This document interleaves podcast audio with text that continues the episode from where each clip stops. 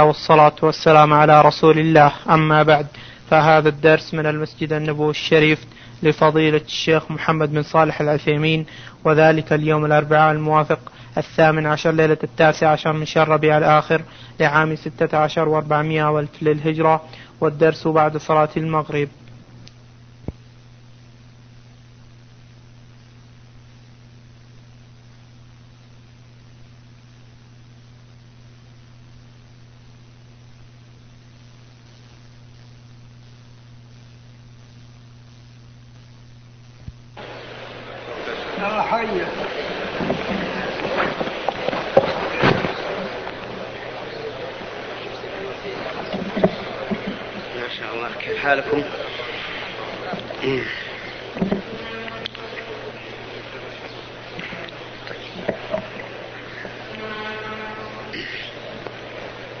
الحمد لله رب العالمين.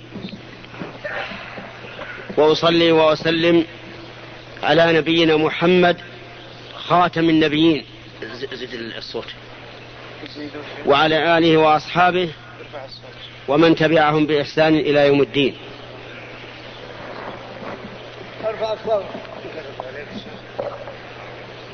لا أما بعد ضعيف الصوت زود الصوت ارفع الصوت. أما بعد ففي هذه الليلة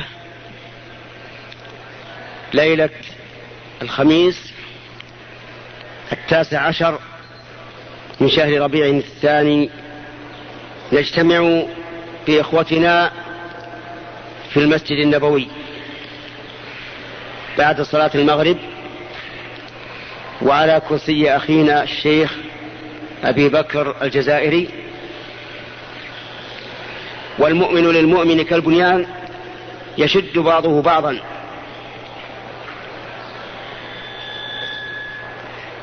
نتكلم الآن بما يسر الله عز وجل من تفسير السورة التي استمعنا إليها في قراءة إمامنا في صلاة المغرب. ألا وهي قوله الله ألا وهي قول الله تعالى والسماء والطارق وما أدراك ما الطارق النجم الثاقب إن كل نفس لما عليها حافظ. يقسم الله تعالى بالسماء.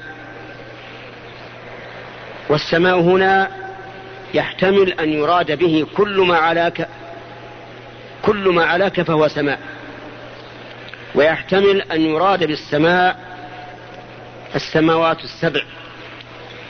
فيكون مفردا أريد به الجنس فيعم كل السماوات. وأيا كان فإن الله تعالى لم يقسم بشيء إلا وهو دليل على آية من آياته عز وجل. فهذه السماوات الواسعة الأرجاء العالية البناء القوية بناها الله عز وجل كما قال تعالى والسماء بنيناها بأيد وإنا لموسعون وقال تعالى والسماء وما بناها وإياك يا أخي أن تعتقد أن قوله والسماء بنيناها بأيد أن الله بنى السماء بيده. كلا. فقد قال الله عز وجل ثم استوى إلى السماء وهي دخان فقال لها وللأرض ائتيا طوعا أو كرها قالتا, أتي قالتا أتينا طائعين. فالله تعالى خلق السماوات بالكلمة ولا وليس بيده جل وعلا.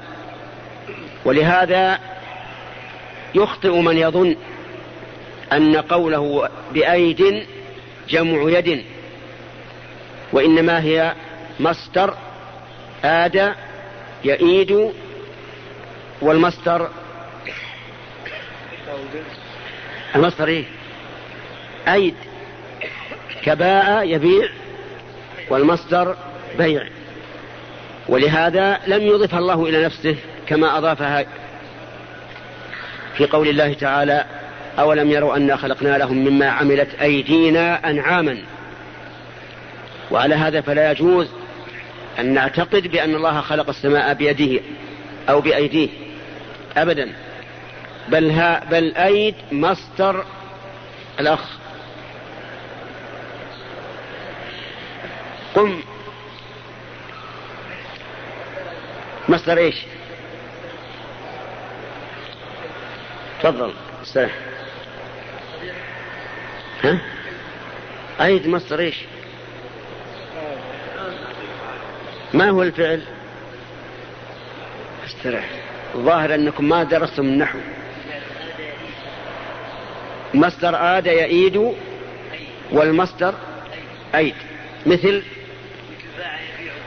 مثل باع يبيع بيعا. كال يك انت انتظر يا أخي؟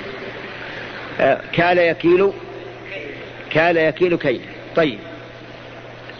استرح. اذا هذه السماوات العظيمة جديرة بأن يقسم الله بها حيث قال والسماء فالواو هنا حرف قسم والطارق معطوف على السماء والمعطوف له حكم المعطوف عليه وعلى هذا فيكون الله تعالى أقسم بالطارق. وما هو الطارق؟ قال الله عز وجل تفخيما له وما أدراك ما الطارق. يعني أي شيء أعلمك عن هذا الطارق الذي كان جديرا أن يقسم الله به؟ فسره الله بقوله من يعرف النجم الثاقب هذا الطارق. وسمي طارقا لأنه يبرز ليلا. والطارق في اللغة العربية هو القادم إلى أهله ليلا أو الوافد ليلا. وعلى هذا فالطارق هو النجم الثاقب. يثقب إيه؟ يثقب ظلام الليل بضيائه. ولهذا لو خرجت إلى محل ليس فيه كهرباء لوجدت أنوار النجوم ظاهرة بينة فهو يثقب الظلام بضيائه ويثقب الشيطان بشهابه. يثقب الشيطان بشهابه. الشيطان؟ الشياطين تتراكب حتى تصل إلى السماء. لتسترق السمع. ولهذه الشياطين كهان في الأرض يتولونهم ويتلقونهم. فيأتيه الشيطان بخبر السماء ثم يشيعها الكاهن بين الناس ويكون أعني الكاهن حكما بين الناس يحكم بينهم. ولهذا كان كانوا في الجاهلية يأتون إلى الكهان يتحاكمون إليهم. لكن الإسلام أبطل ذلك. وقال النبي صلى الله عليه وسلم من أتى كاهنا فصدقه بما يقول فقد كفر بما أنزل على محمد صلى الله عليه وسلم. إذا النجم الثاقب يثقب إيش؟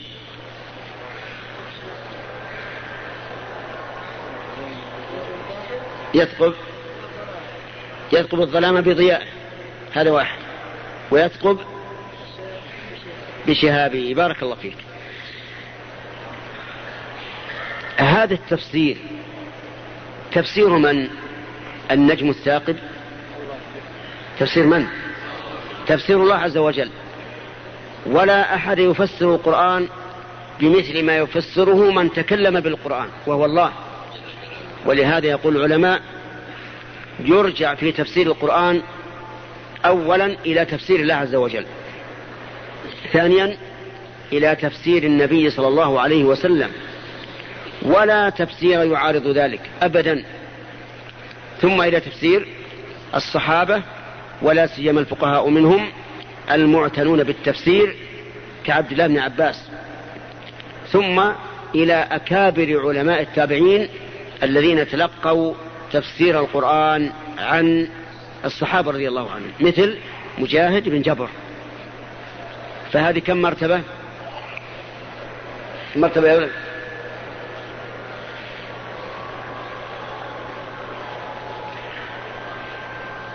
يرجع في تفسير القرآن إلى إيش؟ ما انتبه؟ لا. استرح. تفضل. أربع مراتب. أولا تفسير الله ثانيا تفسير الرسول صلى الله عليه وسلم ثالثا نعم. طيب رابعا أئمة التابعين الذين تلقوا التفسير عن الصحابة. بارك الله فيك. استرح تفسير الله فهم له أمثلة كثيرة في القرآن. وما أدراك ما يوم الدين ثم ما أدراك ما يوم الدين. ما يوم الدين؟ يوم لا تملك نفس لنفس شيئا والأمر يومئذ لله. القارعة ما القارعة وما أدراك ما القارعة. ما هي؟ يوم يكون الناس كالفراش مبثوث والأمثلة كثيرة في هذا. تفسير النبي عليه الصلاة والسلام أيضا له أمثلة. منها قول الله تعالى للذين أحسنوا الحسنى وزيادة. للذين أحسنوا الحسنى وزيادة. الحسنى مبتدأ مؤخر. وللذين إذا قلنا الحسنى مبتدأ مؤخر صارت الذين خبر مقدم وزيادة. فما هي الحسنى وما هي الزيادة؟ فسرها النبي صلى الله عليه وسلم بأن الحسنى هي الجنة وأن الزيادة هي النظر إلى وجه الله الكريم. أسأل الله تعالى أن يوفقني وإياكم لذلك. وأن يجعلنا ممن يراه ربه وهو راض عنه ويرى ربه وهو راض عنه.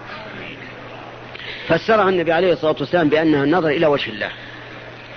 لو أن أحدا قال بالزيادة بغير قال في الزيادة بغير ما قال الرسول عليه الصلاة والسلام هل نقبله؟ أجيبه. أبدا لا نقبله مهما كان. وعلى هذا فيستفاد من هذه الآية الكريمة للذين أحسنوا الحسنى وزيادة أن أهل الجنة يرون الله عز وجل. يرونه رؤية قلبية أو رؤية عينية. الأول ولا الثاني؟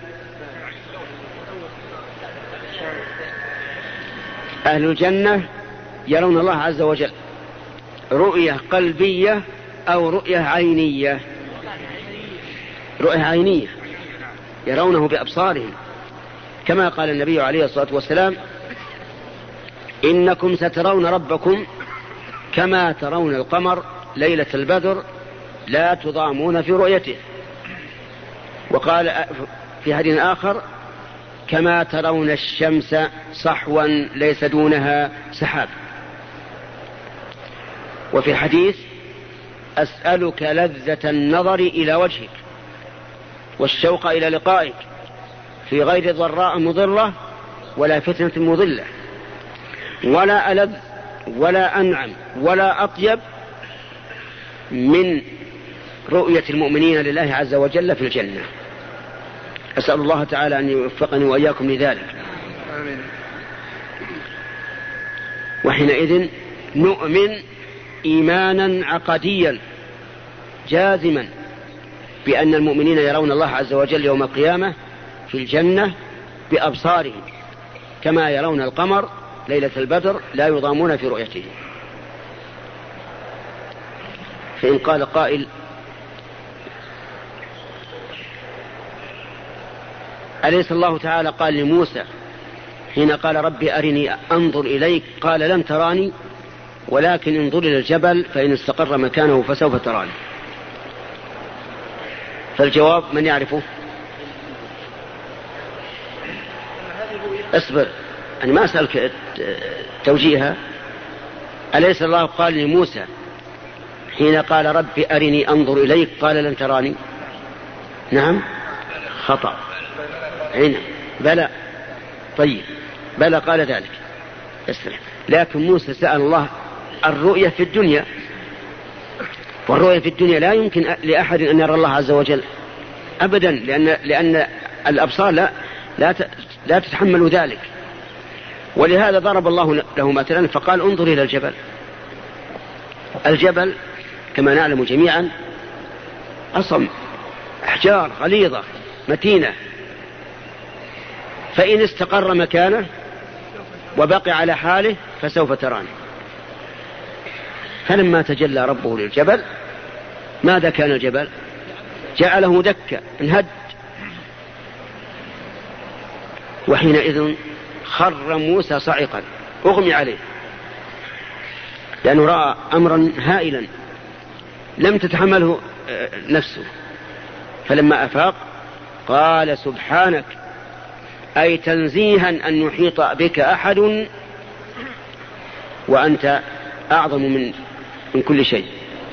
تبت إليك وأنا أول المؤمنين. تبت إليك من أي شيء؟ وهل أذنب موسى حتى يقول تبت إليك؟ أجيبوا يا جماعة. تفضل. لا. استرح هو سأل ما ليس له به علم.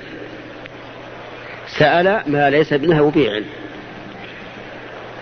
ولهذا لما قال نوح رب إن ابني من أهلي وإن وعدك الحق وأنت أحكم الحاكمين ماذا قال الله له؟ قال يا نوح إنه ليس من أهلك إنه عمل غير صالح فلا تسألني ما ليس لك به علم إني أعظك أن تكون من الجاهلين. ولهذا تاب موسى من هذا السؤال. الله المستعان. ومنا الآن طلاب علم. إذا مروا بصفة من صفات الله جعلوا يمزقونها. ليس ينكرونها لكن يتنطعون ويتعمقون فيها. حتى أصبحوا ممثلين للرب عز وجل بالخلق. يبحث معك يقول إن لله أصابع حق لله أصابع. إيش الأصابع؟ يقول لك كم الأصابع؟ له أظفار له فواصل وما أشبه ذلك. هذا حرام. مسائل الصفات أؤمن بها على ما جاءت ولا تسأل. إن سألت هلكت وانظروا إلى الأئمة رحمهم الله. قال رجل الإمام مالك يا أبا عبد, يا أبا عبد الله الرحمن على العرش استوى. كيف استوى؟ سأل يسأل شلون استواءه؟ كيف هو؟ وما سأل عن المعنى. لو قال ما معنى استوى أجيب لكن قال كيف استوى. وهل أنت مطالب بأن تسأل عن الكيفية؟ أبدا. أطرق مالك رحمه الله وهو في مسجد الرسول عليه الصلاة والسلام. أطرق برأسه حتى قام يتصبب عرقا. ليش تصبب عرق؟ من ثقل السؤال على نفسه. صبب عرق. ثم رفع رأسه وقال يا هذا الاستواء غير مجهول. والكيف غير معقول. والإيمان به واجب والسؤال عنه بدعة. كلمات من نور ما شاء الله. يوفق الله من يشاء ويتفضل عليه بالكلمات التي تكون نبراسا للمسلمين. يرويه بعض العلماء أن يروي هذا الكلام فيقول الاستواء معلوم والكيف مجهول والإيمان به واجب والسؤال عنه بدعة لكن اللفظ ما, ما سقناه أولا. الاستواء غير غير مجهول وغير المجهول يعني الأخ. يعني معلوم. يعني معلوما أحسنت. والكيف غير معقول. يعني أننا لا ندركه بعقولنا. وكيف ندرك كيفية صفة من صفات الله بالعقل؟ والله عز وجل يقول في الحس لا تدركه الأبصار. والإدراك بالحس سهل. كل يدرك بالحس حتى أبلد العالم يدرك بالحس فالذي لا يدرك بالحس بمعنى لا تدركه الأبصار لا تحيط به لا يدرك بالعقل بمعنى أننا لا نعلم كيفيات صفاته أبدا. والإيمان به واجب. الإيمان بإيش؟ بالاستواء. واجب لأن الله تعالى أثبته لنفسه وما أثبته لنفسه وجب علينا أن نسلم به وأن نثبته. والسؤال عنه بدعة. السؤال عن إيش؟ عن الكيفية. ما هو عن المعنى؟ لأن المعنى يقول غير مجهول معروف. لكن تسأل عن الكيفية هذا بدعة. ولماذا كان بدعة؟ نقول كان بدعة لوجهين. الوجه الأول أن الصحابة لم يسألوا عنه الرسول صلى الله عليه وسلم. ونحن نعلم أن الصحابة أحرص منا على معرفة الله عز وجل. ويجيبهم من؟ الرسول عليه الصلاة والسلام الذي هو أعلم الخلق بالله. فالسبب موجود المقتضي موجود انتفاء المانع موجود ومع ذلك ما سألوا الرسول. لأنهم يعلمون أن عقولنا أقصر وأحقر من أن تدرك كيفية صفة الله. آمنوا بالاستواء ولا سألوا عنه. وسبحان الله الصحابة رضي الله عنهم لا يسألون عنه وأن تأتي في آخر الزمان تسأل عنه. أأنت أعلم بالله منهم؟ أأنت أشد تعظيما لله منهم؟ أأنت أشد حبا لله منهم؟ كلا. فهو بدعة. لماذا يا أخ؟ أي. أحسنت. بارك الله فيك. السبب الثاني أن السؤال عن كيفية صفات الله من سمات من سمات أهل البدع. وش معنى من سماتهم؟ يعني من علاماتهم. أهل البدع هم الذين يسألون عن الكيفيات ليحرجوا المثبتين. تعرفون أن في الصدر الأول من هذه الأمة ولا زال خلاف في صفات الله. انقسم الناس فيها إلى ستة أقسام ذكرها شيخ الإسلام ابن تيمية رحمه الله في آخر الفتوى الحموية. من شاء أن يرجع إليه فليرجع لكن أهل البدع يجون لأهل الإثبات. يقول الرحمن عرش استوى؟ كيف استوى؟ بل يداه مبسوطتان. كيف اليدين؟ كيف البسط؟ علشان إيش؟ يتوقف الإنسان. لأنه ما يعرف هذا. فإذا توقف قال إذا ما عندك علم. ما عندك علم لست كفءا لأن تسأل عن صفات الله. إحراج. ولكن ذكر بعض أهل السنة ذكروا كلاما جيدا جدا مفحما. قال إذا قال لك الجهمي إن الله ينزل إلى السماء الدنيا فكيف ينزل؟ فقل له إن الله أخبرنا أنه ينزل ولم يخبرنا كيف ينزل. سبحان الله. كلام مضبوط واضح. أخبرنا أنه ينزل ولم يخبرنا كيف ينزل. أخبرنا أن له يدين ولم يخبرنا إيش؟ كيف اليدين. أخبرنا أنه خلق آدم بيديه. كما قال تعالى لإبليس ما منعك أن تسجد لما خلقت بيدي. ولكن لو جاء إنسان يسأل كيف خلق بيديه شو قال؟ يجب علينا أن أن نقول الخلق معلوم. نعم إن الله أخبرنا أنه خلقه بيده ولم يخبرنا كيف خلقه ولا كيف يده وهذه أمور غيبية. يجب علينا أن نقتصر فيها على ما جاء به النص. ولهذا أسلم طريقة فيما يتعلق بأسماء الله وصفاته هي طريقة السلف الصالح. الذين هم أهل السنة والجماعة. أما غيرها من الطرق فإنها كلها فاسدة. لما يلزم فيها من اللوازم الباطلة لو لم يكن فيها إلا مخالفة ظاهر الكتاب والسنة ومخالفة الصحابة رضي الله عنهم. لأن الصحابة يا جماعة مجمعون على على الإثبات.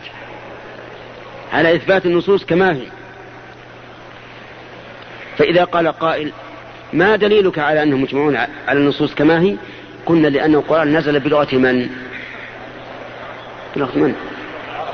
وأعرب العرب الصحابة. نزل القرآن بلغتهم ولم يأتي حرف واحد من منهم.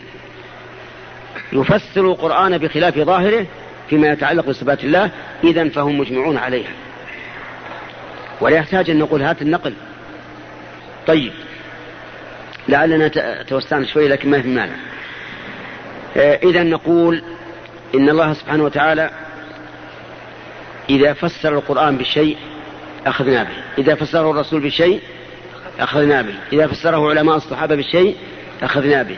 إذا فسره أئمة التابعين الذين تلقوا علم التفسير عن الصحابة أخذنا به. وما عدا ذلك فليس بحجة. آه، نرجع إلى السورة. إن كل نفس لما عليها حافظ. أنا أسأل المعربين النحويين منكم. إعراب هذه الجملة.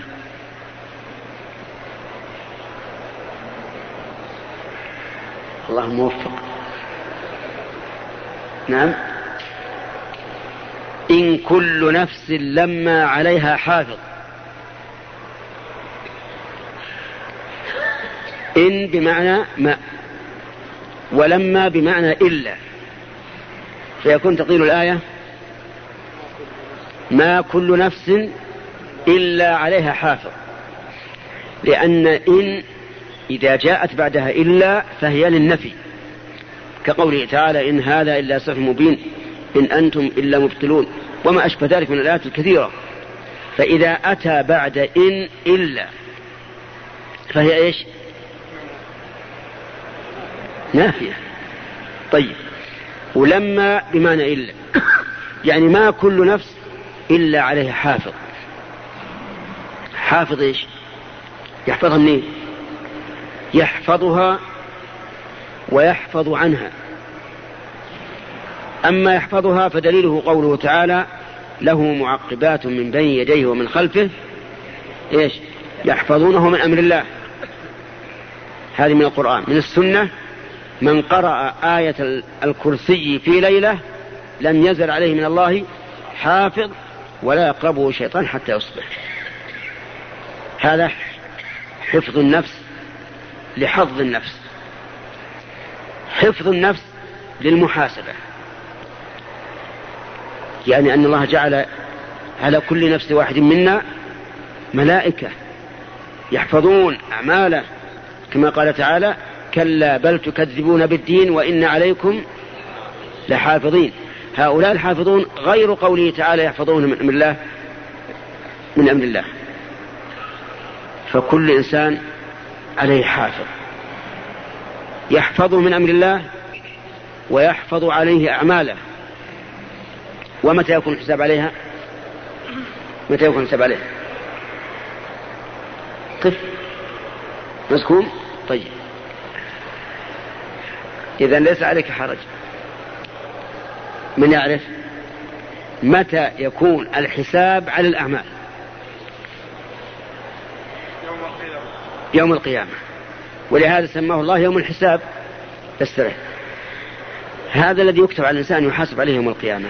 وكيف يحاسب؟ قال الله تعالى ونخرج له يوم القيامة كتابا يلقاه منشورا مفتوحا اقرأ كتابك. اقرأ كتابك. كفى بنفسك اليوم عليك حسيبا.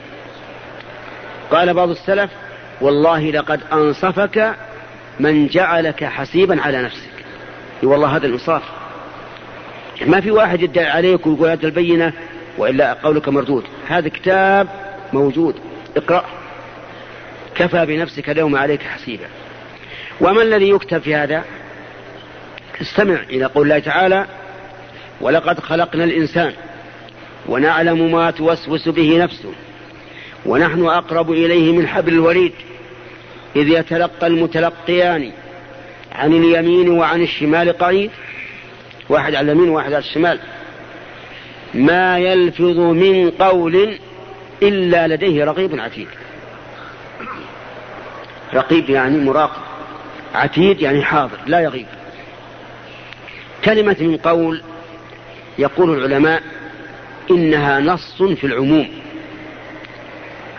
لأن النكرة في سياق النفي للعموم لكن قد يقترن بها ما يجعلها نصا في العموم لا تحتمل شيء آخر. فما هو الذي جعلها نصا في العموم؟ تفضل. ها؟ لا ما في ما موصول هنا؟ ما يلفظ ما نافية. إيش من هذا؟ ها؟ لماذا كانت جعلتها نصا في العموم؟ لا من من من الأسماء الموصولة. لو علم لو كان عندنا واحد من علماء النحو لفعل بك ما يفعل. استح ما في نحو عندكم الظاهر. ما يلفظ يقول من قول من حرف جر زائد. وإذا دخل حرف الجر الزائد على كلمة كان مؤكدا لمدلولها. يعني لمدلول السياق. ما يلفظ من قول نقول من حرف جر زائد إعرابا وليس زائدا. معنى لأن معناه التوكيد. توكيد النفي. ما يلفظ من قول إلا لديه رقيب عتيد. أي قول؟ كل الأقوال. ما دام قلنا قول للنفي المؤكد بمن؟ معنى كل القول. من خير أو شر أو لغو. لأن كلام الإنسان ثلاثة أقسام. خير وشر ولغو. من كان يؤمن بالله واليوم الآخر فليقل خيرا. الذي هو واحد من الأقسام الثلاثة. إذا لا يقول اللغو ولا يقول الشر. واستمع إلى أوصاف عباد الرحمن والذين لا يشهدون الزور. وإذا مروا باللغو مروا كراما سالمين منه بعيدين عنه وما أكثر اللغو في كلامنا. بل أتموا. بل ما أكثر الزور والزور هنا ليس شهادة الزور كل قول محرم فهو زور. وما أكثره. ما يلفظ من قول إلا لديه رقيب عتيد. دخل رجل على الإمام أحمد بن حنبل وهو مريض. وكان رحمه الله يئن من المرض. تعرفون الأنين؟ يئن من المرض. فقال يا أبا عبد الله إن فلانا وذكر اسمه من التابعين يقول إن الملك يكتب حتى أنين المريض. حتى أنين المريض. فأمسك عن الأنين رحمه الله. أمسك عن الأنين. يتصبر ويتحمل المرض ولا يئن. خوفا من إيش؟ من أن يكتب. خوفا من أن يكتب. إذا لما عليها حافظ نرجع للآية. إن كل نفس أي ما كل نفس إلا عليها حافظ. فلينظر الإنسان مما خلق. اللام لام إنا لله وإنا إليه راجعون. لام إيش؟ لام الأمر. ولهذا سكنت بعد الفاء. ولام الأمر تسكن بعد الفاء وبعد الواو وبعد ثم. قال الله تعالى ثم ليقضوا تفثهم اقرأ ما بعدها. وليوفوا نذورهم. وليطوفوا بالبيت العتيق ولهذا يخطئ بعض القراء فيقول هذا بلاغ للناس ولينذروا به. هذا خطأ. وهذا لحن يحيل المعنى. وأكثر الناس ما يحس بهذا الشيء. هذا بلاغ للناس ولينذروا به. صواب ولا خطأ؟ ليش؟ لأنك إذا سكنتها بعد الواو صارت فعل أمر صارت لام أمر. فيختلف المعنى.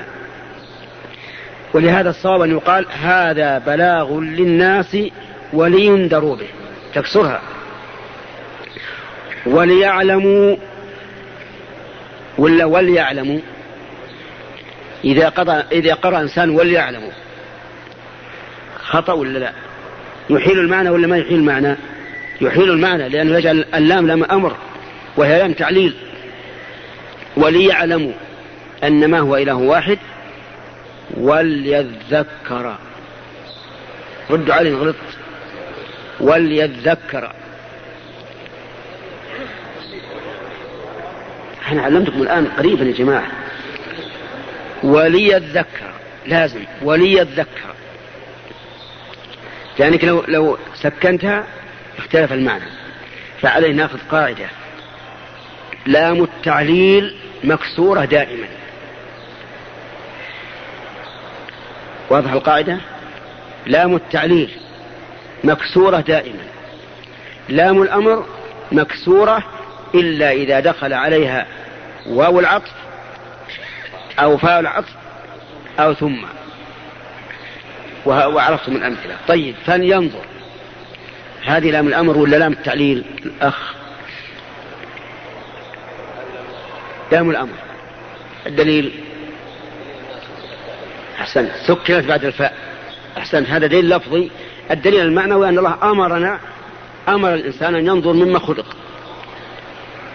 خلق من ماء دافق. ماء الرجل. يخرج من بين الصلب والترائب. الترائب الصدر والصلب ظهر. خلق من هذا الماء المهين. وأصله الأول خلق من إيش؟ من تراب من طين من حمأ مسنون. هذا أصل الإنسان. وما تولد منه من ماء دافق يخرج من بين الصلب والترائب. إنه على رجعه لقادر. إن الله عز وجل إنه الضمير يعود على الله وإن لم يتقدم آه، ما يعود إليه الضمير لكن السياق يدل عليه. إنه على رجعه أي رجع من؟ الإنسان. لقادر متى؟ يوم القيامة. كما قال تعالى وهو على جمعهم إذا يشاء قدير. إنه على رجعه لقادر. وهذا واضح. استدل الله عز وجل بالأشد على الأسهل. هل الأشد الابتداء أو, أو الإعادة؟ أين أشد؟ الابتداء أشد. الإعادة أهون ويقول الأخ الدليل على أن الإعادة أهون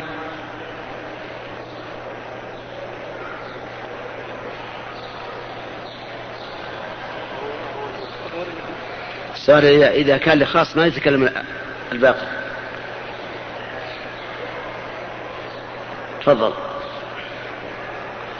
وهو الذي يبدأ الخلق ثم يعيده وهو أهون عليه. أحسنت. وهو الذي يبدأ الخلق ثم يعيده وهو أي إعادته أهون عليه. وهذا واضح.